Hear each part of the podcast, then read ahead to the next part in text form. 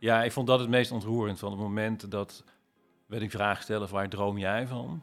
Ja, dan zie je de lichtjes in de ogen aangaan. En, dan, en het is ook chockerend om dat te voelen en te ervaren dat het eerst van hun leven is dat die vraag gesteld wordt.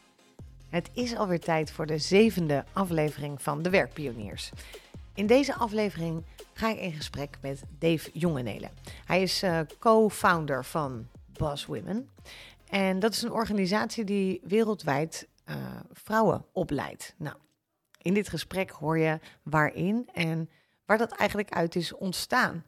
Want waarom is het nou belangrijk dat vrouwen wereldwijd weten wat ze waard zijn? En hij gaat ook in op de vraag waarom dat ook in Nederland van belang is. Verder vertelt hij van alles over eh, werken vanuit je hart en niet vanuit je hoofd. En dat is iets wat we allemaal wel wat meer mogen doen, denk ik zo. Goeie reden om te luisteren dus. Veel plezier. Dave, wat fijn dat je er bent. We hebben elkaar vorige week voor het eerst ontmoet. Ja, ik ga eerlijk zeggen, wij waren net begonnen. Ik moet gewoon mijn opnameapparatuur wel even aanzetten. Hè? Dat is echt best wel handig Ja, om dat, dat te eh, doen in het leven. Het schijnt les 1 van Schijnt- podcast maken te ja, zijn. maar les het, één. Het hoort er ook bij dat het een keer misgaat. Dus dat, Ja. eh, Nou, bij deze, dus eh, wij beginnen gewoon opnieuw. Want dat kan in het leven. Elk moment is een moment om gewoon de draad opnieuw op te pakken. precies. Dus bij deze.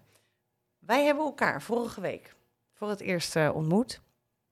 Eh, dat was bij Seeds to Meet hier, omdat we in gesprek gingen over wat wij wellicht voor elkaar kunnen betekenen.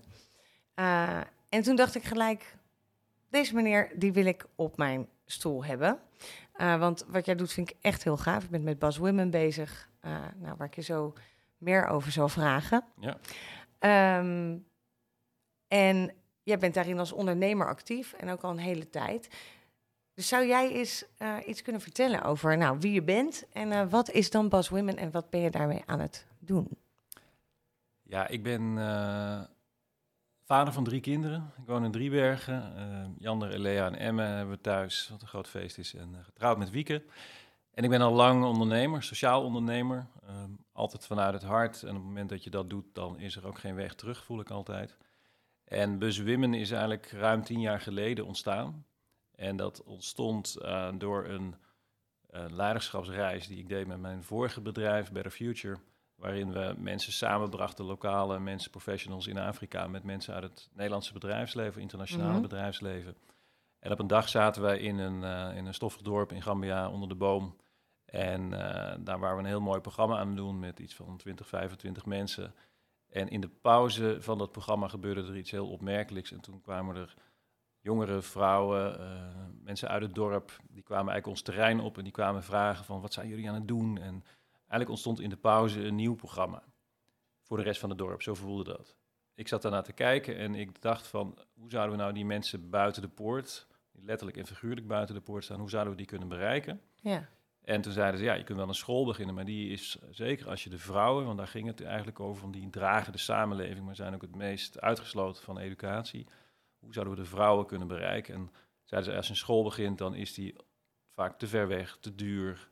De vrouwen kunnen een gezin niet in de steek laten of hun, hun bedrijfje. Ehm, dus dat heeft geen zin. En toen ontstond bij mij eigenlijk de eerste gedachte van, wat als wij nu de school naar hen toe zouden brengen?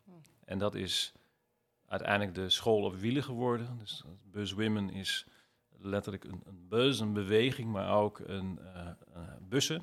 ja, En dat zijn, eh, je moet een beetje ME-bussen voorstellen met eh, een trainer aan boord, een chauffeur met stoelen, met trainingsmaterialen. En die bussen rijden letterlijk naar de voordeur van de vrouwen in hun dorpen. Waardoor ze in hun eigen omgeving vaak voor het eerst van hun leven toegang krijgen tot educatie. En die educatie gaat over het ontwikkelen van zelfbewustzijn, van het omgaan met geld, eh, ondernemerschap, eh, klimaatverandering. We zijn nu met zorg bezig, van dat eh, ze meer leren over het belang van goede voeding, van goed voor jezelf zorgen, ook mentale gezondheid. Dus zo bereidt die beweging zich steeds meer uit. En tien jaar geleden zijn we begonnen en nu vieren we eigenlijk dat we bijna 400.000 vrouwen hebben mogen opleiden. jeetje. Dus in die zin ja, is, het, is het uit de hand gelopen, zeg ik altijd. Nou, dat is eh, uit de hand gereden met die Ja, bus, denk precies. ik. Dat is wel echt heel, heel, heel veel ook. En eh want je hebt het net over Gambia. Ehm, zijn die 400.000 vrouwen allemaal in Gambia? Of, of hoe moet ik dat zien? Jullie hebben je, eh, hebben jullie uh, verder, zijn jullie ook over continenten gaan rijden met die bus? Ja, het idee ontstond in Gambia en toen wilde ik het daar eerst opzetten, maar dat, door allerlei omstandigheden lukte dat niet. En toen ging ik naar India, waar we ook werkten, met een partnerorganisatie, een hele grote microkredietenbank. En de oprichter van die organisatie vertelde ik over dit idee. En hij zei gelijk van, dit is de missing link. als wij vrouwen kunnen we krediet geven, maar als zij hun eigen ondernemerschap en hun eigen talenten niet kunnen ontplooien, van, dan missen we eigenlijk de meest essentiële dimensie. Ja. Via hem ben ik in contact gekomen met Uttara. En dat is de dame die uiteindelijk tien jaar geleden in India begonnen is. Dus we zijn in India van start gegaan. En toen hadden we nog een idee van, uh, we gaan een soort Harvard on Wheels neerzetten van de beste educatie voor de mensen die geen toegang hebben. En toen kwamen we met allerlei uh, ideeën over training en ontwikkeling voor de vrouwen. En toen zeiden zij van, ja, ga maar weg. Dit is niet interessant voor ons, want we hebben cash nodig. Wij zitten zo in geldnood ja. dat we, uh, ja, als je daarbij kunt helpen, en eigenlijk vroegen ze met andere woorden van, geef maar geld. En Uttara is toen echt in gesprek gegaan om te analyseren wat is er dan echt aan de hand. En dan blijkt dat ze zoveel stress hebben eigenlijk door dat geldgebrek en vaak meerdere leningen hebben. Die ze, de ene lening betalen ze de andere af. En daaronder zit ja, het gebrek aan inzicht hoe je met geld om kunt gaan, hoe je kunt sparen. Ook de basis van ondernemerschap, het verschil tussen inkomsten en, en, en kosten en, en inkomsten en winst. Allemaal basisbegrip. En daar weer onder, en dat was eigenlijk waar de kern zit, denk ik, van Bus Women. Daar zit het gebrek aan eigenwaarde, zelfbewustzijn. Zo van mag ik er echt zijn, doe ik er toe. En in een leven waarin nooit eigenlijk gevraagd wordt aan de vrouw van wie ben jij, waar droom jij van en wat zijn jouw talenten. En dat raakte mij ook het meest, zeg maar, uiteindelijk van dat te zien aangaan in dat proces. Als wij met de vrouwen ja, aan de slag gaan. Ja, dat is iets magisch om te zien. Ja, en het is wel um, ook een context die wij ons, um, denk ik, slecht voor kunnen stellen. Um, maar wat mooi dat jullie dat dus ook lokaal hebben aangepakt. Want jouw partner is dus ook, uh, komt uit India. Ja, dit kan alleen maar lokaal. In India werken nu 150 mensen voor Buswomen. In Gambia, waar we vier jaar geleden begonnen, zijn nu 20 mensen. Um, in Georgië ook iets van uh, 16 mensen. En uh, dat zijn allemaal lokale mensen. En het mooie is, vind ik, dat het... Ook in Gambia zien we veel jonge mensen, ook mannen, die juist naar de dorpen gaan om de vrouwen daar te helpen uh, ja, om zich te ontwikkelen. En ook dat doet iets in de dynamiek van een land. Waarbij wij, ik krijg altijd de vraag van, what about the man? He, zijn de mannen daar niet tegen of zit er niet veel weerstand? Eigenlijk is Bus Women nooit, dat zou ook heel schijnheilig zijn als man, begonnen vanuit, uh, het ligt allemaal aan de mannen. Het is niet dat soort feminisme, zeg maar, waar die lading onder zit. Het is veel meer een, een start met de vrouw en een uitnodiging aan de mannen en aan de kinderen om daarin mee te doen. Dus al op dag één, dus met trainers in eerste instantie twee dagen. Um, en na die twee dagen kiezen ze een eigen ankervrouw. En die ankervrouw is een soort rolmodel die door ons wordt opgeleid en ook maandelijks wordt gecoacht. En dan wekelijks of twee wekelijks haar groep weer bij elkaar haalt. En op die manier zijn er nu meer dan 10.000 groepen actief. Die elke keer weer samenkomen en steeds weer waar nieuwe kennis aan wordt toegevoegd. Waarin ze met elkaar blijven, blijven leren. En daarin merken we ook dat uiteindelijk worden ook de mannen en de kinderen daarin meegenomen. Dat vrouwen alles wat ze leren eigenlijk per definitie delen in een eigen omgeving. Ja, ja dus ze nemen het mee en veroorzaken ook daarin dus een verandering. Of... Ja. En uh, je hebt het over, ze leren ook over ondernemerschap, onder andere. Zijn, zijn die vrouwen aan het ondernemen? En op welke manier moet ik me dat dan voorstellen? Ze zijn allemaal ondernemend. Mm En in vrij moeilijke omstandigheden weten ze te overleven en zijn ze creatief. En ik denk dat 20% echt wat wij ondernemer zouden noemen. Die een eigen business hebben, die dat ook willen uitgroeien. Ja. En de rest is ondernemend in de zin dat ze eigenlijk bijna allemaal geen baan hebben. De meeste werken op het land, zijn met uh, groente fruit bezig. Uh, en die zijn eigenlijk bezig met, ja, als ik kan overleven met mijn eigen inkomsten, is dat prima. En wat wij zien is dat ze aantoonbaar, doordat ze meer leren over geld in eerste instantie, maar ook hun zelfbewustzijn en eigenlijk hun, hun eigenlijk zetten we hun moed aan om uh, dingen te ondernemen. Ja, dat ze aantoonbaar meer geld in de portemonnee hebben, maar ook veel meer rust en, en mindspace hebben om ja. keuzes te maken. Ja, en om over die belangrijke vragen dus ook na te denken. Wie ben ik? Of Ja, ik vond dat het meest ontroerend. Van het moment dat werd ik vraag stellen, waar droom jij van? Ja, dan zie je de lichtjes in de ogen aangaan. En, dan, en het is ook chockerend om dat te voelen en te ervaren... dat het misschien wel voor het eerst van hun leven is dat die vraag gesteld wordt. Dus dat... En tegelijkertijd moet ik ook aan het verhaal van mijn eigen moeder denken... die groeide vroeger op. Eh, ik kom uit het zuiden in Nederland, in een dorpje. En mijn moeder die wilde kapster worden. En dan niet de kapsalon in het dorp, maar de beste salon van Parijs. En toen zeiden mijn opa en oma, ja, mooi plan, maar ja, wij zien dat niet zitten. En een beetje met die, die haren van mensen aan de slag. Dus dat gaan we niet doen. Dus uh, ga maar naar de huishoudschool en ga maar een goede huisvrouw worden. En uiteindelijk is ze ook wel weer ondernemer geworden, maar toch, ik denk dat het ook in onze context, dat het vrouwelijke, ja, als, als Nederland een puzzel zou zijn, dan liggen de, de vrouwelijke stukjes echt wel een stukje lager nog steeds dan de mannelijke stukjes. Ja. En dat is ook een van de redenen dat wij uh, ja, sinds anderhalf jaar ook echt in Nederland begonnen zijn. Ja, want wat zijn jullie in Nederland aan het doen of aan het opzetten? En, en vooral, ik ben ook wel benieuwd naar wat is dan een groot verschil bijvoorbeeld met hoe dat zich hier organiseert versus bijvoorbeeld India? De essentie van bus is dat het gebaseerd is op het aanboren eigenlijk van je innerlijke kracht. Dus en het, het eigenaarschap en regie nemen over je eigen leven. Dus wij zijn nooit aan het helpen, maar brengen een proces op gang waarin de mensen het zelf doen. Um, dus dat is hetzelfde hier. In de context is echt anders. Als je kijkt naar Afrika, India, daar is misschien wel zoveel solidariteit onderling, dat het eigen ik eigenlijk ondersneeuwt. En dat vrouwen dus ook niet de ruimte krijgen om zichzelf te zijn. En ook vaak in die patriarchale samenleving daar niet aan toekomen. Als we naar Nederland kijken, dan zien we dat het veel versnipperder is. En dat die natuurlijke communities en die samenhang is hier veel minder. Dus eigenlijk zie je hier veel meer sociale armoede. En eigenlijk het gebrek aan verbinding met jezelf, met elkaar. Maar ook met de wereld om ons heen. Uh, verbinding met de natuur. Dus hier zitten een ander soort uitdagingen. En wij zijn daar heel erg mee aan het stoeien geweest van wat is nou de ingang hier en eh, heeft het ook zin om hier dingen te doen? En nu zijn we ongeveer anderhalf jaar bezig en ja, zijn we super blij dat we het doen, omdat het zoveel verschil maakt ook hier. En wij noemen het proces wat we hier doen, is eigenlijk uh, verzachten. Dus zachter worden naar jezelf, naar de wereld om je heen, minder in je oordeel vastzitten, in de polariteit van dingen. En vervolgens het verbinden, dus weer het herstellen eigenlijk van de verbinding met jezelf, uh, met de mensen om je heen en de natuur, om van daaruit te kunnen vernieuwen. En juist dat stukje wat wij in Nederland heel erg merken bij mensen van dat we ons weer herinneren aan dat het programma wat we ontwikkeld hebben, The Gift. En in The Gift laten we eigenlijk mensen weer voelen en ervaren dat het leven in essentie een geschenk is, wat ons alles, van alles duidelijk maakt. Dat het niet altijd een feest is, maar, maar ook een uitdaging is. Dat je ehm, daarin onderdeel bent van een veel groter geheel. Maar wel dat eigen unieke puzzelstukje hebt, wat jouw gift is, jouw talent is, wat je toe te voegen hebt. En dat programma zijn we gaan starten. En dat doen we zowel in wijken en in buurten in, in, in Nederland, waar er ook vrouwen zijn en ook mannen. In Nederland is het iets gemengder dan, uh, dan in India en Gambia bijvoorbeeld. En uh, ja, daarin merken we van, door die toegang te geven en zoals mijn collega het altijd noemt, uh, safe and brave spaces te creëren waarin het veilig is, maar waar je ook wordt uitgedaagd Mooi, en aangemoedigd. Mooie term.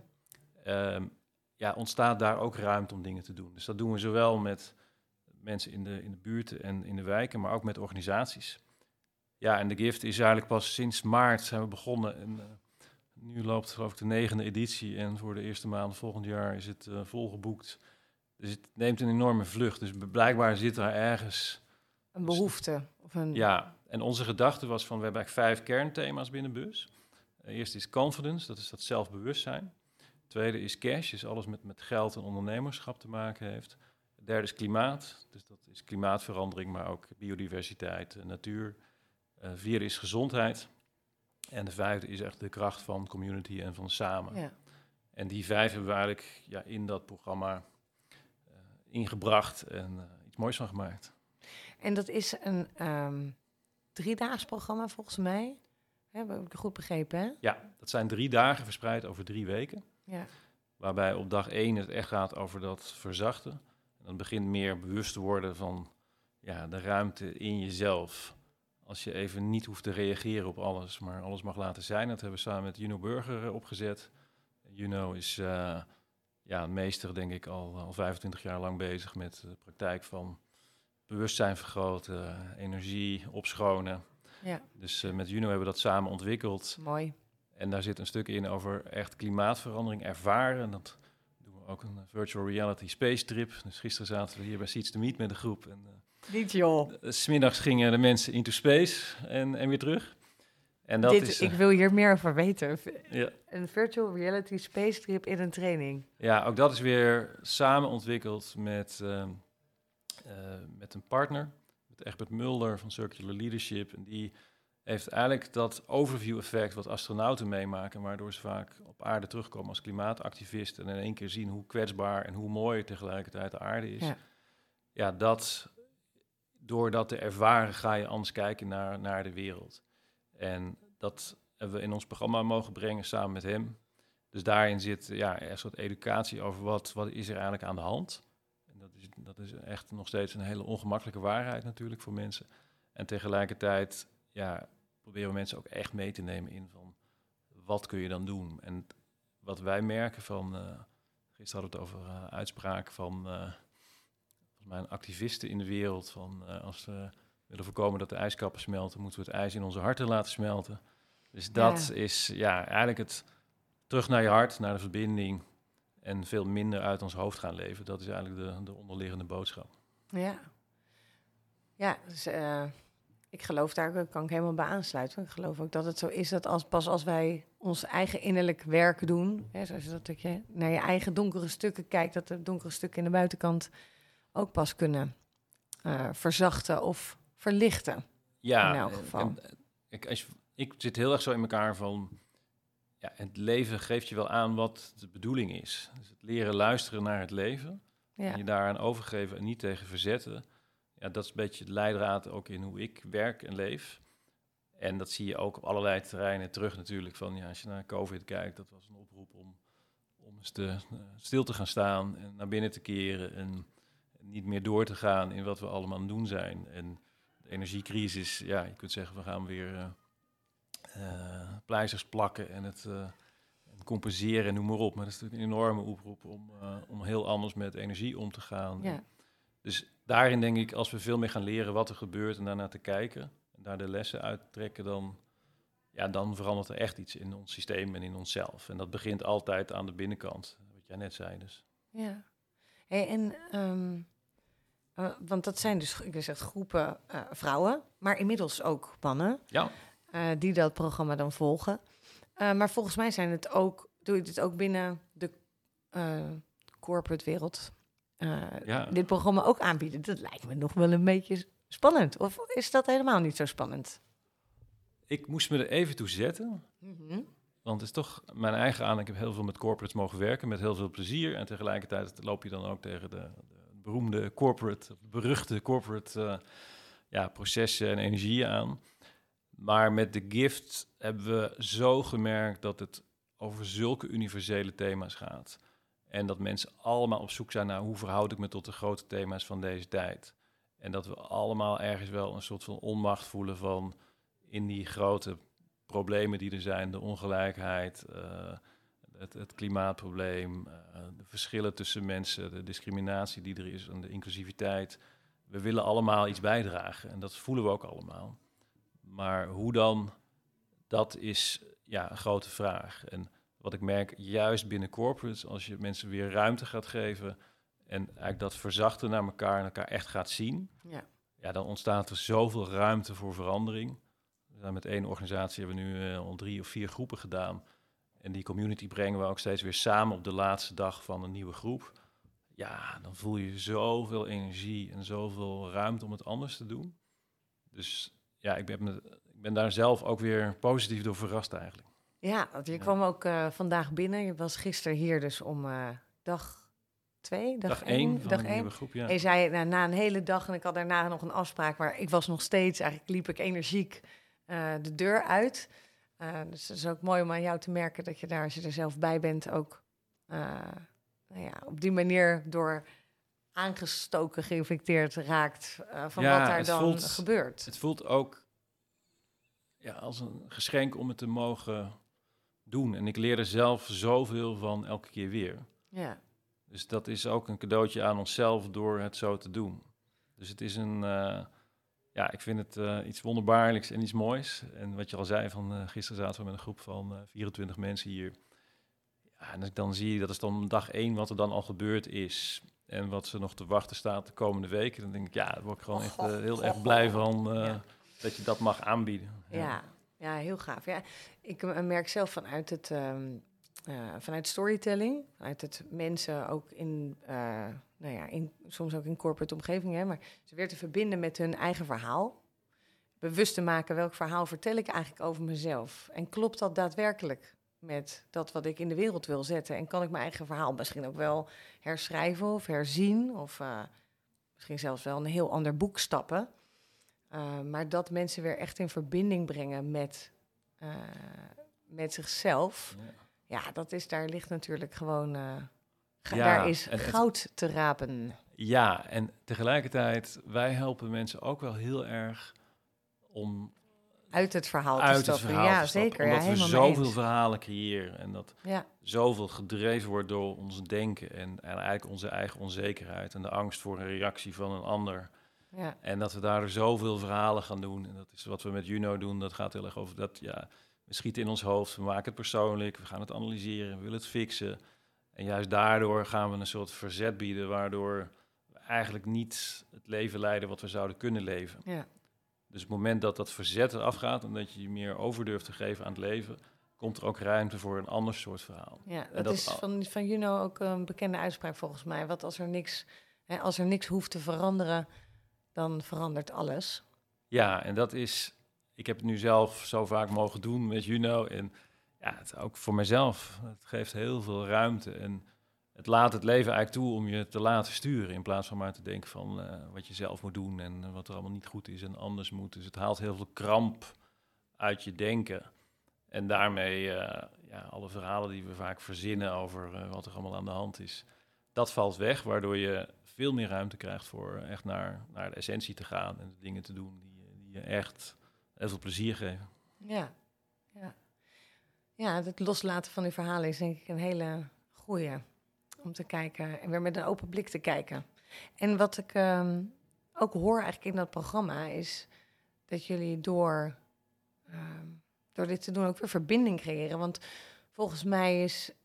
We, we hebben allemaal die grote thema's waar we tegenaan lopen. We zien wat er gebeurt met de wereld. We voelen uh, dat er te weinig verbinding onderling ontstaat. Maar hoe ga je in je eentje staan aan zulke grote opdrachten?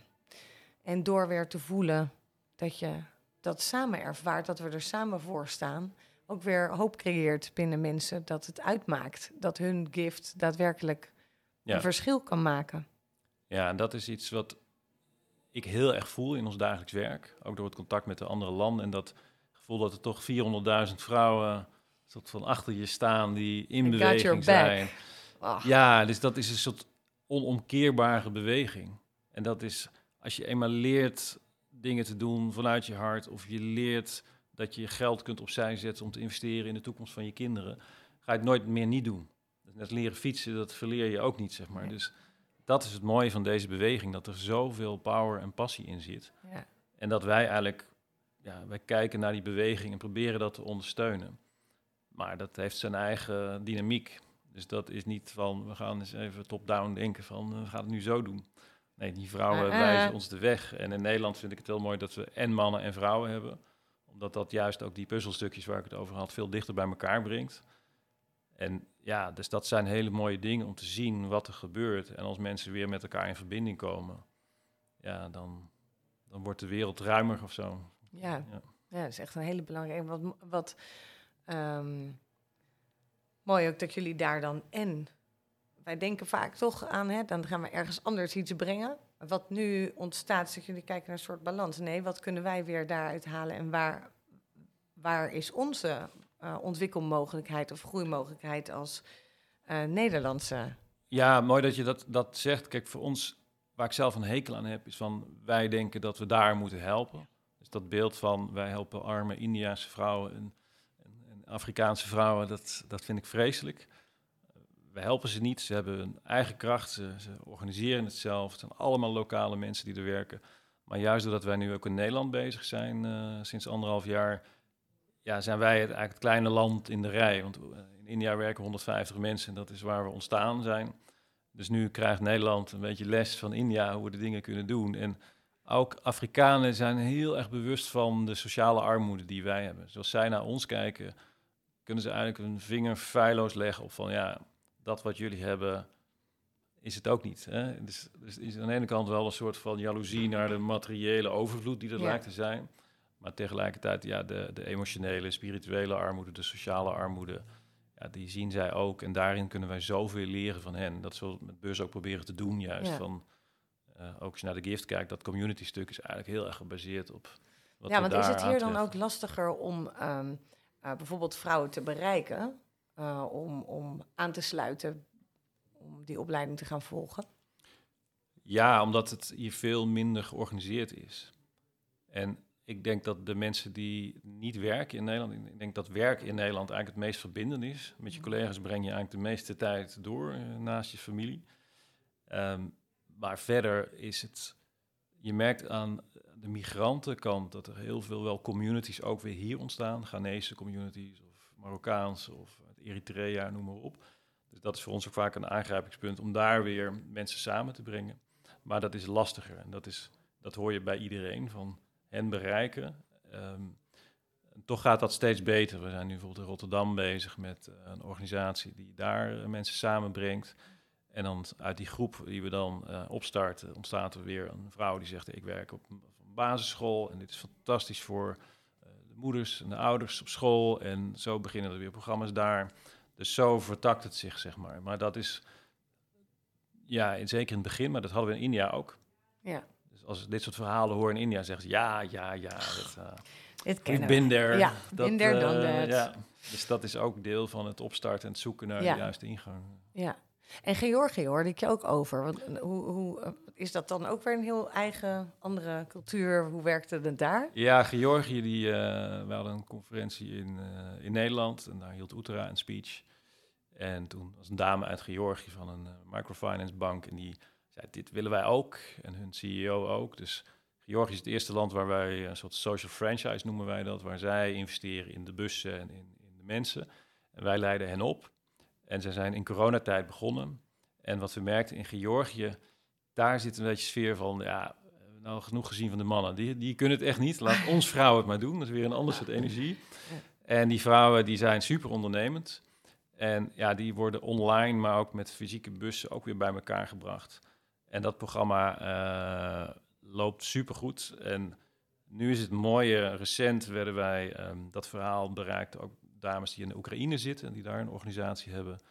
En ja, die eigenlijk zeggen nu in de oorlog is iedereen, alle mannen zijn eigenlijk aan het front. Dus alle vrouwen zijn eigenlijk noodgedwongen kostwinner of, of ondernemer geworden. Zij doen al een aantal programma's voor ondernemers. En ze hebben ons nu gevraagd, wil je ons helpen om dit ook groter te maken in, in de Oekraïne, ook in bezette gebieden zelfs. Dus dat zijn we nu aan het opstarten. En dat is ook wel weer heel... Ja, aan de ene kant word je geconfronteerd met hoe dichtbij en, en hoe, hoe ongelooflijk die situatie is. En tegelijkertijd voelt het ook heel fijn om daarin te kunnen ondersteunen en samen iets op te zetten.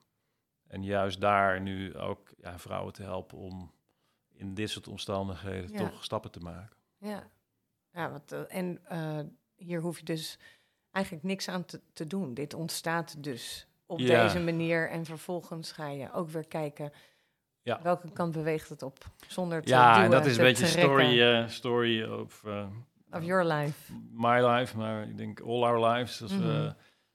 ja, dan als je eenmaal de dingen doet waarvan je voelt dat, dat je er plezier in hebt en die kloppen, dan ontstaan dit soort dingen ook. Hoe weet jij dat? Hoe, hoe luister jij naar jouw uh, gevoel?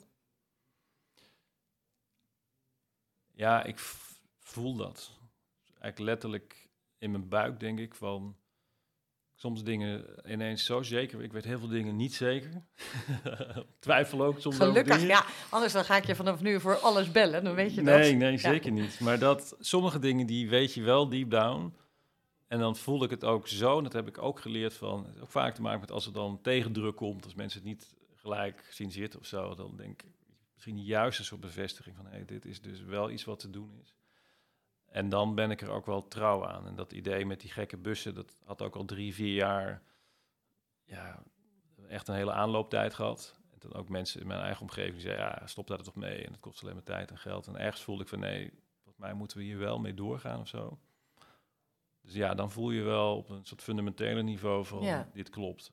Maar dan nog, wat ik heel erg geleerd heb, is van dat je voorbij de vorm leert te denken. Dat je alles wat je in je hoofd hebt, zoals ik Harvard on wheels in mijn gedachten, Ja. dat sloeg echt nergens op. Nee, En zo heb ik nog tien ideeën gehad die nergens op slaan. nee. En eh, uiteindelijk door dan weer ruimte te geven en te laten ontstaan. Krijgt Ja. het, zoekt het zijn eigen vorm. Ja, en als je Of dat kunt toelaten. Ja. En dat is de grootste les die ik heb. Ik denk dat ik vroeger veel meer ook in control wilde zijn. Of je eigen ego een rol speelt. Zo van dat ik eigenlijk wel heb geleerd om meer te leren observeren en te volgen wat er gebeurt. Maar als je dan voelt van hier hebben we echt iets in te doen. Ja, om dan ook echt door te pakken. Ja. Ja. Nou, dat is wel een hele een goede tip. Ik vraag het je ook omdat ik ehm, denk dat dat, dat dat gevoel, of dat waar die ja zit, in je gevoel, dat dat ook voor iedereen net wat anders kan zijn. Maar dat het goed is om je bewust te worden dat dat zeker niet in het hoofd plaatsvindt. Maar dat dat, dat onderbuikgevoel is voor de een. ehm, eh, Ja, ik dat geloof de een het heel meer- helder voor zich ziet en die impuls moet volgen. Of, eh, Ja, er is niet één recept voor, denk ik. Nee. Ik ben zelf wel geïnspireerd ook door de, meer de Chinese filosofie daarin. Van het, Mhm. het, het ook actief niet doen. Op het moment dat het niet helemaal zuiver of goed voelt. En dat je, eh, weet je, al, eh, op, z'n- als Taoïste kijkt van wat, wat biedt het leven mij aan, wat komt er langs. En dat je daarop afstemt. ja, En dat je dan wel uiteindelijk voelt van ja, dit past echt. En dat je steeds meer leert. En ik heb soms ook nog valkuil dat ik dingen doe. Ik denk, dat moet ik eigenlijk helemaal niet doen. En dan voel ik het aan mijn lijf. of herken ik totaal niet. koppijn. Of, maar ja, uiteindelijk worden, ik word er toch wel voor mijn gevoel een stukje bij beter, wijzer in om echt dat te doen. Waar je denkt, ja, dit, dit past bij mij, zeg maar. En dan herken je ook dat, dat die signalen worden volgens mij ook... eh, ehm, hoe meer je erop afstemt, hoe sneller je ook hele heldere signalen krijgt. Dus hoe sneller je ook weet Ja, wat ook- wel of wat niet te doen. ja, maar het is denk ik meer, wat ik heb gezegd, mijn lijf reageert eigenlijk het best. En vertelt me eigenlijk heel duidelijk van, eh, ja, dit moet je dus juist niet doen. Bij mij was dat vaak migraine of koppijn of spanning. Of, dus ik heb daar ook meer naar leren luisteren. Zo van, nou ja, kunnen nu wel willen doordrammen en het allemaal rationaliseren, Ja. maar eh, no way. Omdat Dat, ik eh, nou eenmaal dat verhaal heb gemaakt dat dit moet. Ja, dus het, het eigenlijk je eigen verhaal ter discussie stellen en Ja. eigenlijk niet altijd je eigen gedachten voelen. En dat zijn ook typisch die gedachten die na die impuls komen. Dat komen toch altijd de Ja, gedachten, ja, zeker. maar wat vinden anderen hiervan en hoe zou dit zijn? En Ja. ja, die heb ik ook. Alleen ik heb ze wel geleerd om ze ja, te laten zijn. Ja. Horen er ergens bij, maar ik wil me er niet door laten leiden. Nee, ja, ik hoorde ooit, ik weet niet of dit nou de allermeest poëtische metafoor is die ik ooit heb voortgebracht. Maar eh, dit komt trouwens van Jelle Hermes, een, eh, een schrijver die, eh, die gedachten noemt de windjes in ons hoofd. En die zegt, ja, als, als er maar een soort scheten worden gelaten steeds, dan moet je af en toe weer eventjes de deuren openzetten, dat eruit laten. Want het zijn tenslotte gewoon maar gedachtenwindjes. En dat helpt mij nog steeds zeer goed om af en toe Ja. eh, dat niet al te serieus te nemen en te denken, goh, de boel weer openzetten en het te laten gaan. En maar te voelen welke golf je moet pakken in het leven. Ja. Of welke golf je mee kan en mag varen. Waar ik nog benieuwd naar ben, ehm, want als, als je dit zo hoort, denk je, wauw. Of ik kan me eigenlijk niet voorstellen dat iemand denkt, goh, nou, hè? Valt wel mee wat, eh, wat er is bereikt met Bas Women. Dit is echt gaaf. Mhm. Zijn er nog dromen te dromen? Wat is jouw eh, wens voor de toekomst? Ja, we hebben ooit gezegd, ehm, hoe fantastisch zou het zijn dat we 10 miljoen vrouwen op kunnen leiden. En dat hebben we onszelf ten doel gesteld over 10 jaar.